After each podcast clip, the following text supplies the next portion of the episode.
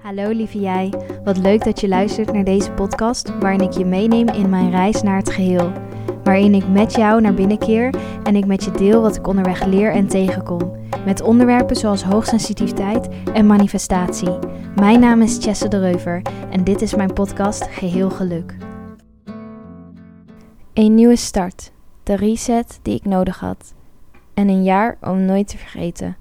In deze aflevering wil ik je vertellen over mijn breekjaaravontuur en over het vervolg van mijn opleidingspad. In 2016-2017 heb ik een jaarprogramma Breekjaar gevolgd in Utrecht, waarin je gecoacht wordt en met een groep jongeren uit je comfortzone gaat, jezelf gaat ontdekken en de wereld gaat ontdekken. Ik heb hier zo onwijs veel geleerd over mezelf, over het leven, over wat ik eigenlijk wil en wat bij me past. En ook dat ik dankbaar mag zijn, dat ik geen mislukkeling ben en dat ik niet heb gefaald. Tijdens breekjaar hebben we verschillende dingen gedaan, die allemaal stuk voor stuk bijzonder waren. Workshops op locatie, maar ook verschillende kampen waarbij je ergens gaat overnachten en daar bijzondere dingen gaat doen.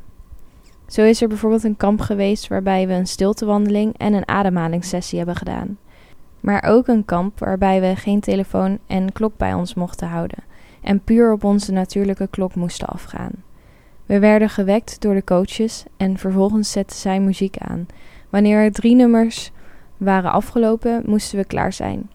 Je beseft je dan pas echt hoe vaak je je telefoon erbij pakt. Voor de tijd, voor de muziek, voor een foto, een stopwatch en nog veel meer. Na het kamp onderweg naar huis moest ik heel erg wennen aan alle prikkels die ik al een paar dagen niet meer had gehad. Ook hebben we een overnachting gedaan waarbij je enkel een cirkel had waar je niet uit mocht en je mocht niet communiceren met de anderen.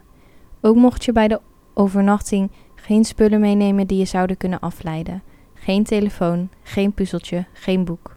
Alleen jezelf.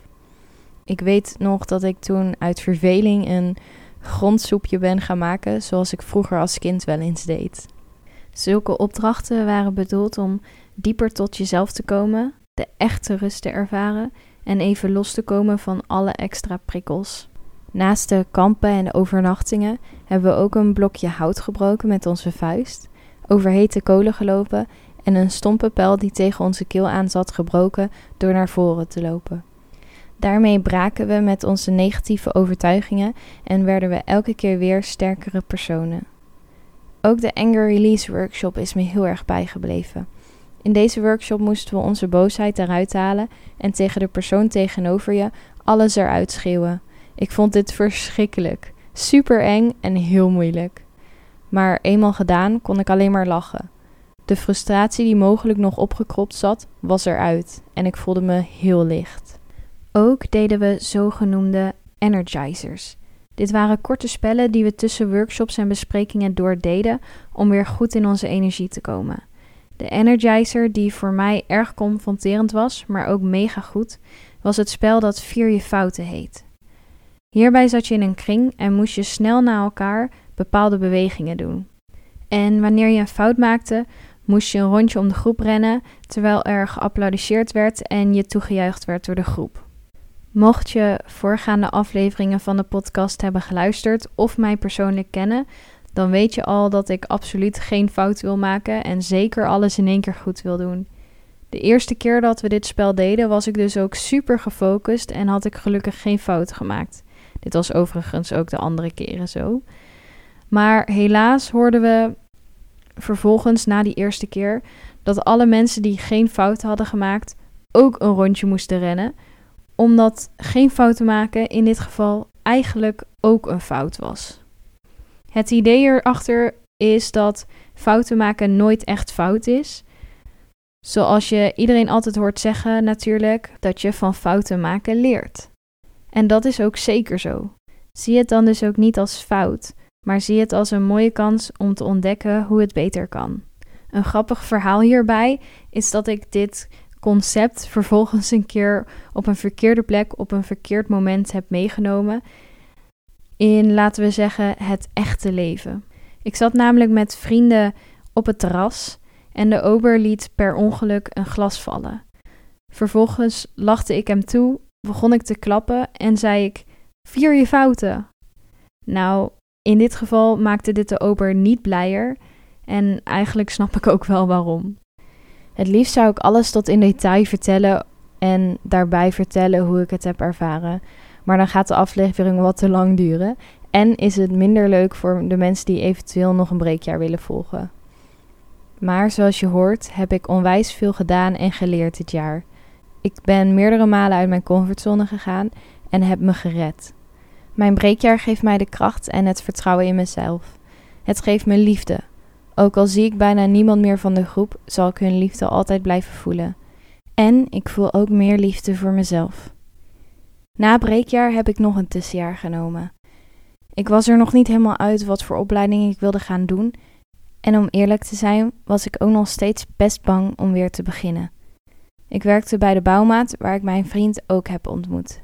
Ik heb de droomanalysecursus gevolgd, mijn rijbewijs gehaald en ik heb een vooropleiding dans gevolgd, omdat ik misschien wel een opleiding dans wilde gaan doen. Helaas gaf die vooropleiding weer onwijs veel stress en werd ik er heel ongelukkig van. Tijdens een balletles schoot mijn knieschijf uit de kom, omdat ik mijn voet te ver had gedraaid. Dit hadden ze blijkbaar de week ervoor goed uitgelegd, maar toen was ik er niet. De lessen daarop volgend kon ik niet meedoen en daar was ik eigenlijk heel erg blij mee. Uiteindelijk, met veel moeite, maar ook met veel opluchting, heb ik er ook weer voor gekozen om hiermee te stoppen. Dansen bleek voor mij toch echt meer een hobby in plaats van een beroep waarbij je hoog moet presteren. En het feit dat mijn knieschuif uit de kom was gegaan, gaf mij dat extra setje die ik nodig had om de keuze te maken om te stoppen. Helaas heb ik tot op de dag van vandaag nog steeds snel last van mijn knieën. Maar gelukkig is de knieschijf niet meer vaker dan drie keer uit de kom geschoten. In deze periode ging ik ook naar een psycholoog. Dit deed ik al sinds dat ik op het helikon zat met de opleiding tot pedagogisch medewerkster. Het is dankzij haar dat ik weer getriggerd werd voor een opleiding tot laborant. En je hoort het goed, ik zeg weer, omdat ik tijdens mijn opleiding op het helikon ook een uitgebreide beroepskeuzetest heb gedaan in Den Haag, waar laboratoriummedewerkster ook erg hoog scoorde. Na drie open dagen op het Rijn-IJssel was ik verkocht. In leerjaar 1 nog niveau 3 en niveau 4 samen, en daarna kon je kiezen wat ik wilde. Het ging zo goed dat ik niveau 4 aandurfde. En nu alweer zes jaar later ben ik al ruim anderhalf jaar werkzaam als chemisch analist.